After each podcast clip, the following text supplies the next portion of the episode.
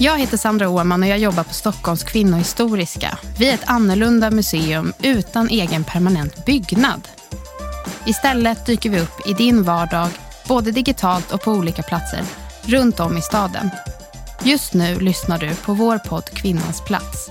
Och det här avsnittet är ett samarbete med Svenska Filminstitutet.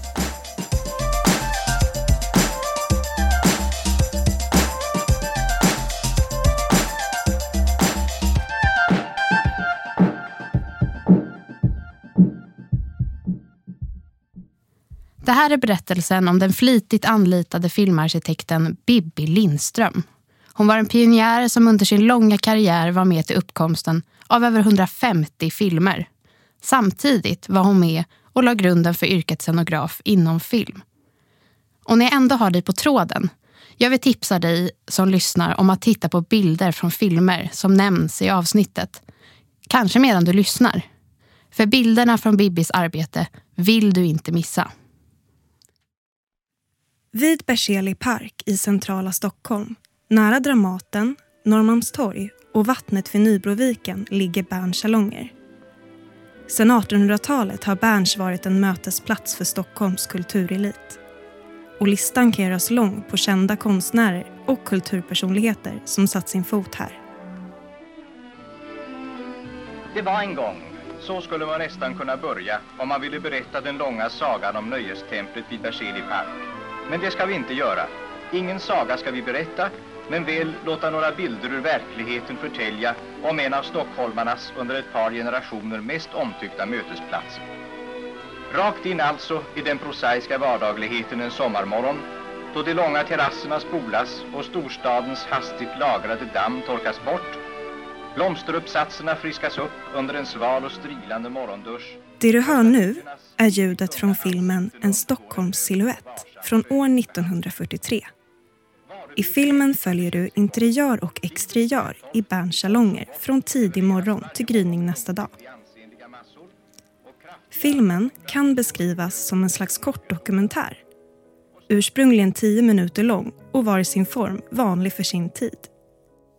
Filmer som en Stockholmssilhuett visades till exempel på biografer när personer letade efter sina platser i salongen eller köpte godis innan kvällens huvudfilm började. Sannolikt är att Berns beställde filmen för att visa upp sina salongers prakt.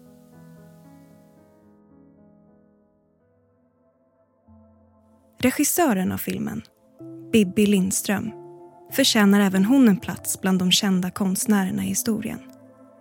En Stockholmssilhuett var den enda film Bibi regisserade men det är långt ifrån allt hon gjorde under sin 40 år långa karriär. Hon bidrog till uppkomsten av över 150 filmer, flera tv-produktioner och scenografier till pjäser vid bland annat Dramaten i Stockholm. Som en av de första arkitekterna i den svenska filmbranschen var Bibi med och skapade yrket filmarkitekt. Det som idag kallas scenograf. Liksom i andra tekniskt orienterade branscher intogs ledande positioner allt som oftast av män. Och Bibi var länge ensam kvinna i sin yrkesroll. Bibi var en pionjär och de manliga kollegorna som var aktiva under samma period nådde aldrig samma verkshöjd som hon. Den 30 juni 1904 föds Birgit Lindström i Arbro i Hälsingland. Birgit är namnet hennes föräldrar Sigrid och Arthur ger henne men hon kommer att bli mer känd under namnet Bibi Lindström. Bibbis pappa arbetade som kamrer och han tjänade sannolikt tillräckligt för att kunna möjliggöra Bibbis studier både i Sverige och utomlands. Och utomlands åkte Bibi. Endast 18 år gammal åkte hon till München för att studera vid en konstindustriell skola. Början av 20-talet, en ung flicka ger sig ut i Tyskland, skaffar sig en utbildning som vi vet redan där vad det är för en person. Hon vet vad hon vill. Det här är Tytti Soila. Tytti är professor emeritus i filmvetenskap. Det betyder att Tytti är pensionerad men det har inte hindrat henne från att forska vidare på det hon ägnat sitt yrkesverksamma liv åt. Kvinnor framför och bakom kameran. Kvinnor fick rösträtt början på 20-talet. Det hände jättemycket i Tyskland, Weimarrepubliken och, och, och sedan hela europeiska kulturen överhuvudtaget. Så att eh, det var bara hej då, nu åker jag. Jag kan tänka mig det verkligen. I Tyskland i början av 1920-talet var det kaotiskt efter första världskriget. Men med hopp om framtiden präglades Berlin och Tyskland av banbrytande konst, musik, litteratur, arkitektur och film. Hur Bibbis studier i München såg ut vet vi inte säkert. Men troligtvis var hennes utbildning där inriktad mot design och dekorativt måleri. Efter två år i München var det dags för nya äventyr för Bibi. År 1923 återvände hon till Sverige när hon blev antagen till Tekniska skolan i Stockholm. Stockholm kom att bli platsen där Bibi bodde resten av sitt liv. Efter avslutade studier på Tekniska skolan studerade hon vidare på Konsthögskolan i sju år på avdelningen för dekorativ konst. På Konsthögskolan träffade Bibi även sin framtida man, Viking Göransson. Viking och Bibi gifte sig år 1929 och skilde sig 1953. Och tillsammans fick de sonen Jonas. Och varför de skilde sig kan vi bara spekulera kring. Men jag kan tänka mig att du har två människor med skapande yrke. Du har en man som är stadsarkitekt i en stad som Uppsala. Mycket representation, eh, mycket herrmiddagar, mycket eh, viktiga planer att, att, att planera en hel stad och byggnader i den. Och sedan så finns det en kvinna som har samma yrke där man måste resa mycket, där man är, jobbar långa tider, där man absolut kanske inte tycker att det är så viktigt, intressant eller möjligt att jobba som inom citattecken hustru. Jag tror att det är den typen av avslitningar. Bibi hade nu över tio års studier bakom sig. Men hur hamnade hon i filmbranschen? Det finns säkert många bidragande faktorer, men två var kanske extra viktiga. En av dem var Bibbis bror, Jan Gunnar Lindström. Han var ju oerhört filmintresserad. Han var bland de som grundade Uppsala filmstudio.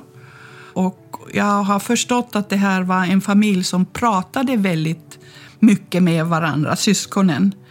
Eh, och, och det gjorde då sonen Jonas som berättade för mig att det var Jan Gunnar som tipsade Bibi om att där kunde man ju få jobb som, ja, låt oss säga dekorationsmålare eller arkitekt. Och så nappade hon på det och där började hennes karriär. En annan viktig del som skapade förutsättningar för Bibi att ta sig in i filmbranschen var just hennes gedigna utbildning. Hon har ju en, jag menar, nio år på Konsthögskolan. Hon fick pris när hon blev färdig med sin utbildning. Hon fick ett stipendium och, och reste runt Italien, Frankrike, Tyskland. Så kommer hon med, med den här gedigna liksom, pappersbunt så det är klart att hon får en chans. Med hjälp av sin brors tips om filmbranschen och sin breda utbildning inleder Bibi år 1932 sin 40 år långa karriär inom film. Några år tidigare har ljudfilmen slagit igenom. Importföretaget Europafilm, som ska bli ett av de stora filmbolagen, börjar producera och år 1932 står nya inspelningsateljéer färdiga i Sundbyberg. Till inspelningsateljéerna sökte de någon som kunde ta hand om byggnationerna. Och Bibi, hon sökte och fick jobbet. Under 30-talet var suget efter nya filmer hos filmpubliken stort. Europafilm, som hade sina egna ateljéer och fast anställd personal arbetade ibland enligt en löpande bandprincip där man återanvänder kulisser och rekvisita i flera inspelningar. Regissörer och skådespelare kom och gick. Men den tekniska personalen var densamma. Det här förde sannolikt samman Bibi med personer som också skulle komma att bli viktiga för svensk film. Det var förmodligen även på Europafilm som Bibi började forma sitt sätt att arbeta. Jag hade faktiskt tur att hitta några artiklar där hon berättade. Hon eh, berättar att hon först läste manuskriptet. Sedan så försökte hon föreställa sig karaktärerna. Hon försökte tänka, hmm, vad ville de omge sig med? Vad, vad, vad skulle de ha velat bo? På vad sätt ville de inreda sitt hem? Och, och, och sedan när hon var klar med det föreslog hon sina skisser till regissören, väl i första hand. Om det var väldigt svårt så gjorde hon också små modeller på lokaler, typ bostäder och så. Och nästa steg var det ju naturligtvis att finna de här föremålen, hur man inredde hemmen till exempel. Hon rotade i, nu inte så containers, det fanns kanske inte, men hon rotade i alla sådana här skrothandlare och så och försökte hitta saker. Det fanns inga rekvisitörer till att börja med. Det var ett yrke som kom senare. Eh, och, och sedan, som hon sa, inspicienten var det allra viktigaste person som hon samarbetade med. Eh, man kan väl säga att produktionsledare är kanske det ordet som motsvarar det yrket. Det är personen som vet allt, som hon sa. Under sina knappt tio år hos Europafilm deltog Bibi i produktionen av ett tjugotal filmer. Samtidigt var hon anställd som frilans på ett par internationella projekt. Redan här har Bibi ett högt tempo och fler filmer kommer att bli. På 1940-talet kom vad man skulle kunna kalla en konstnärlig vändpunkt för Bibi. Hon började arbeta på Sandrevs, ett annat av de stora filmbolagen. Sannolikt innebar arbetet på Sandrevs en större konstnärlig utveckling för Bibi. Jag vet inte hur det gick till att hon, Bibi blev anställd eh, hos Sandrevs. Men jag kan tänka mig att hon också drogs lite grann dit eftersom där kanske fanns utmaningarna just att försöka och skapa ett rum för de här karaktärerna i en berättelse som var någonting utöver vanliga väggar, om vi säger så. Det var ett bolag som profilerade sig mera åt det konstnärliga hållet. Hon var konstnär. Och, och jag kan tänka mig att hon kanske såg möjligheterna, eller det påpekades möjligheterna för henne att, eh, att arbeta med, med människor som var mera inriktade i att göra film som konst. På Sandrevs blev Bibi kvar i två decennier och hon var med och skapade filmer som kom att bli viktiga för svensk film. Samtidigt som hon banade väg för andra. Man kunde ju inte utbilda sig till filmarkitekt eller scenograf eller någonting i den vägen. Det var ju Bibi som skapade, var med och skapade den här yrkeskategorin filmarkitekt på grund av sin gedigna utbildning. Och sedan så, sedan så är det ju det här Bibi i en manlig värld alltså. Och hon var ju ensam kvinna bortåt 50-talet. Jag minns till exempel en artikel där hon höll ett föredrag någon gång i mitten på 40-talet hos Stockholms Sontaförening, den här kvinnoföreningen. Och det var väldigt uppskattat föredrag om sitt arbete och det skrivs då Sveriges första kvinnliga filmarkitekt. Det, det betonas alltid i de artiklar som jag har hittat. Men sedan så var det ju uppenbarligen så att hon uppmuntrade andra kvinnor. Och hon blev god vän med kvinnor som, som var skriptor och så småningom kanske blev eh, filmarkitekter. Och sedan på 50-talet, när hon redan var på toppen av sina kunskaper och karriär, då började det komma kvinnor. Under 50-talet gjorde Bibi många filmer med regissörer som bland andra Ingmar Bergman. Tillsammans gjorde Bergman och Lindström år 1953 Gycklarnas afton, år 1958 Nära livet och lite senare Persona. Elisabeth, får jag läsa en bit ur min bok för dig? Det här är ett ljudklipp från Bergmans Persona från år 1966. All denna ängslan som vi bär med oss. Våra svikna drömmar, den oförklarliga grymheten, ångesten inför utslocknandet. Bibi var högt ansedd och eftertraktad i branschen och jobbade så gott som oavbrutet. Hon var med och skapade filmer som vann internationella priser. Grand Prix i Cannes år 1951 för Fröken Julie, regisserad av Alf Sjöberg och Guldbjörnen i Berlin år 1952 för Hon dansade en sommar. Den sistnämnda var ett samarbete med regissören Arne Mattsson som hon skulle komma att göra ännu fler filmer med. Bland annat Mannekäng i rött från 1958. Och låtom oss nu bedja att Herren Gud i sin Mannekäng i rött är den andra filmen i Arne Mattssons färgserie. Färgfilmen var relativt ny i svensk filmproduktion och kom sannolikt med nya utmaningar för Bibi. I filmen Mannekäng i rött följer du paret Hillmans deckaräventyr när de tar sig anfallet av en mördad modell i ett modehus. Trots att deckargenren kritiserades av kritikerna i Sverige så påverkade filmen på olika sätt bland annat mode, inredning och stil. Och Bibbis egen preferens, som i många av hennes filmer, lyste igenom i filmens estetik. Jag, jag tycker att hon var sin tids influencer. Vilken föremål har den unga fru Hillman på sitt eh, bord när hon dricker te med sin man som röker pipa som alla ordentliga män på eh, 50-talsfiktionen och tidningarna gjorde på den tiden.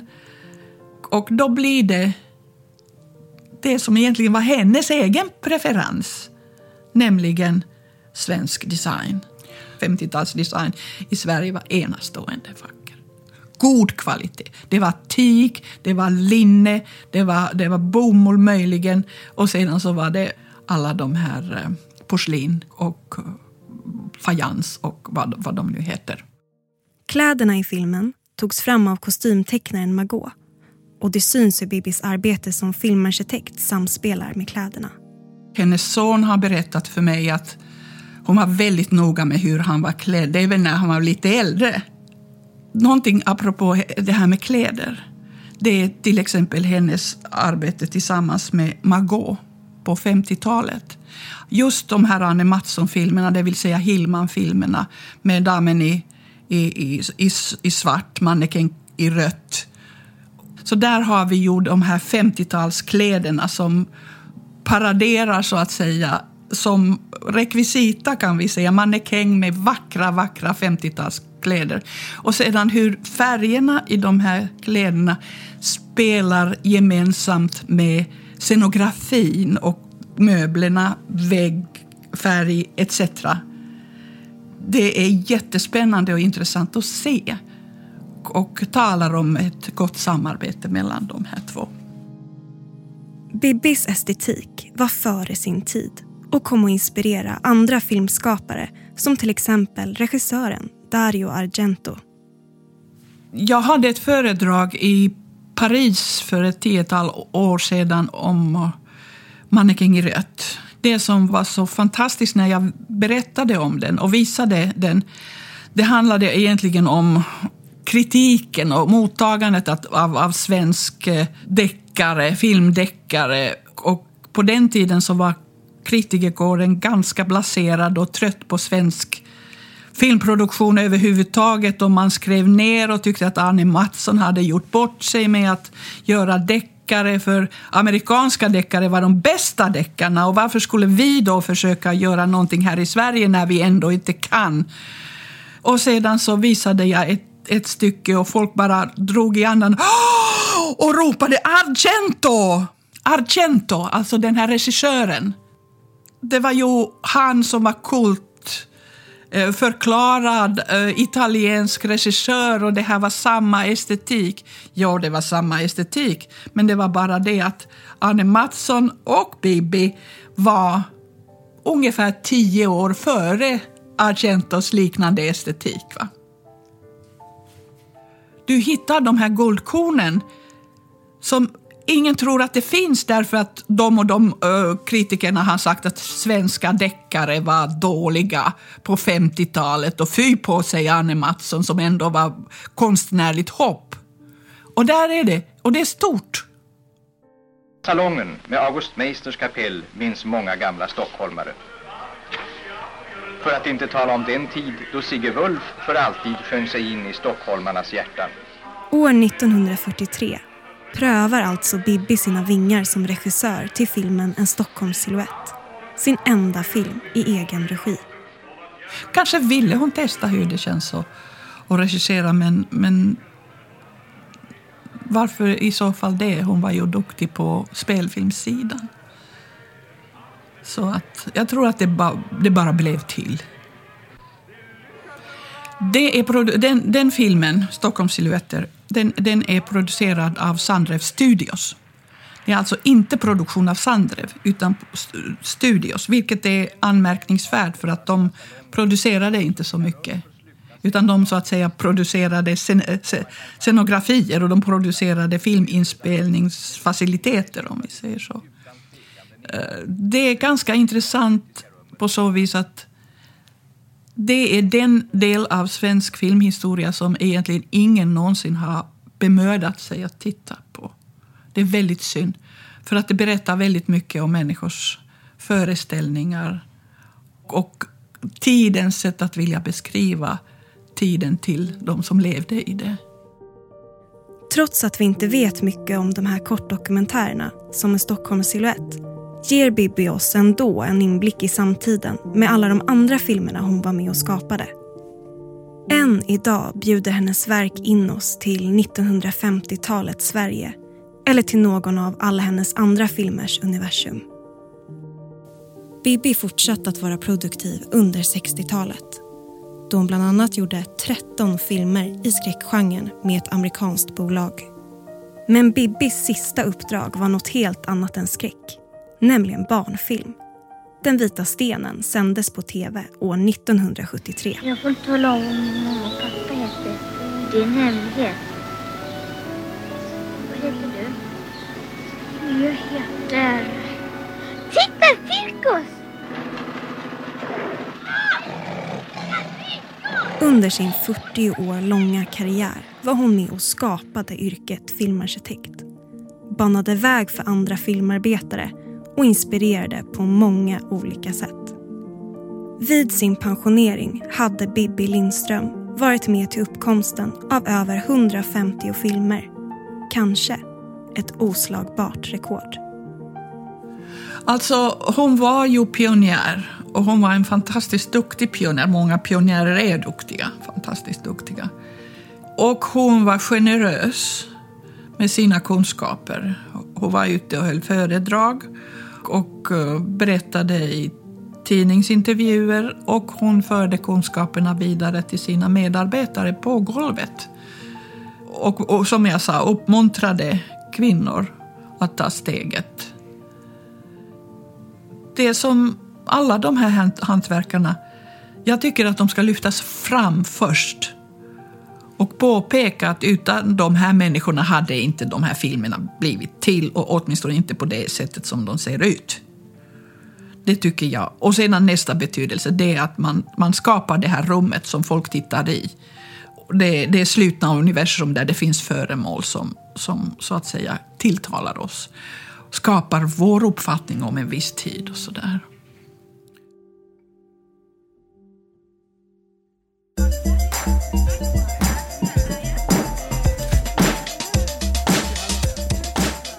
Du har lyssnat på Kvinnans plats om Bibi Lindström. Producent var Klara Fredén, exekutiv producent Tove Leffler.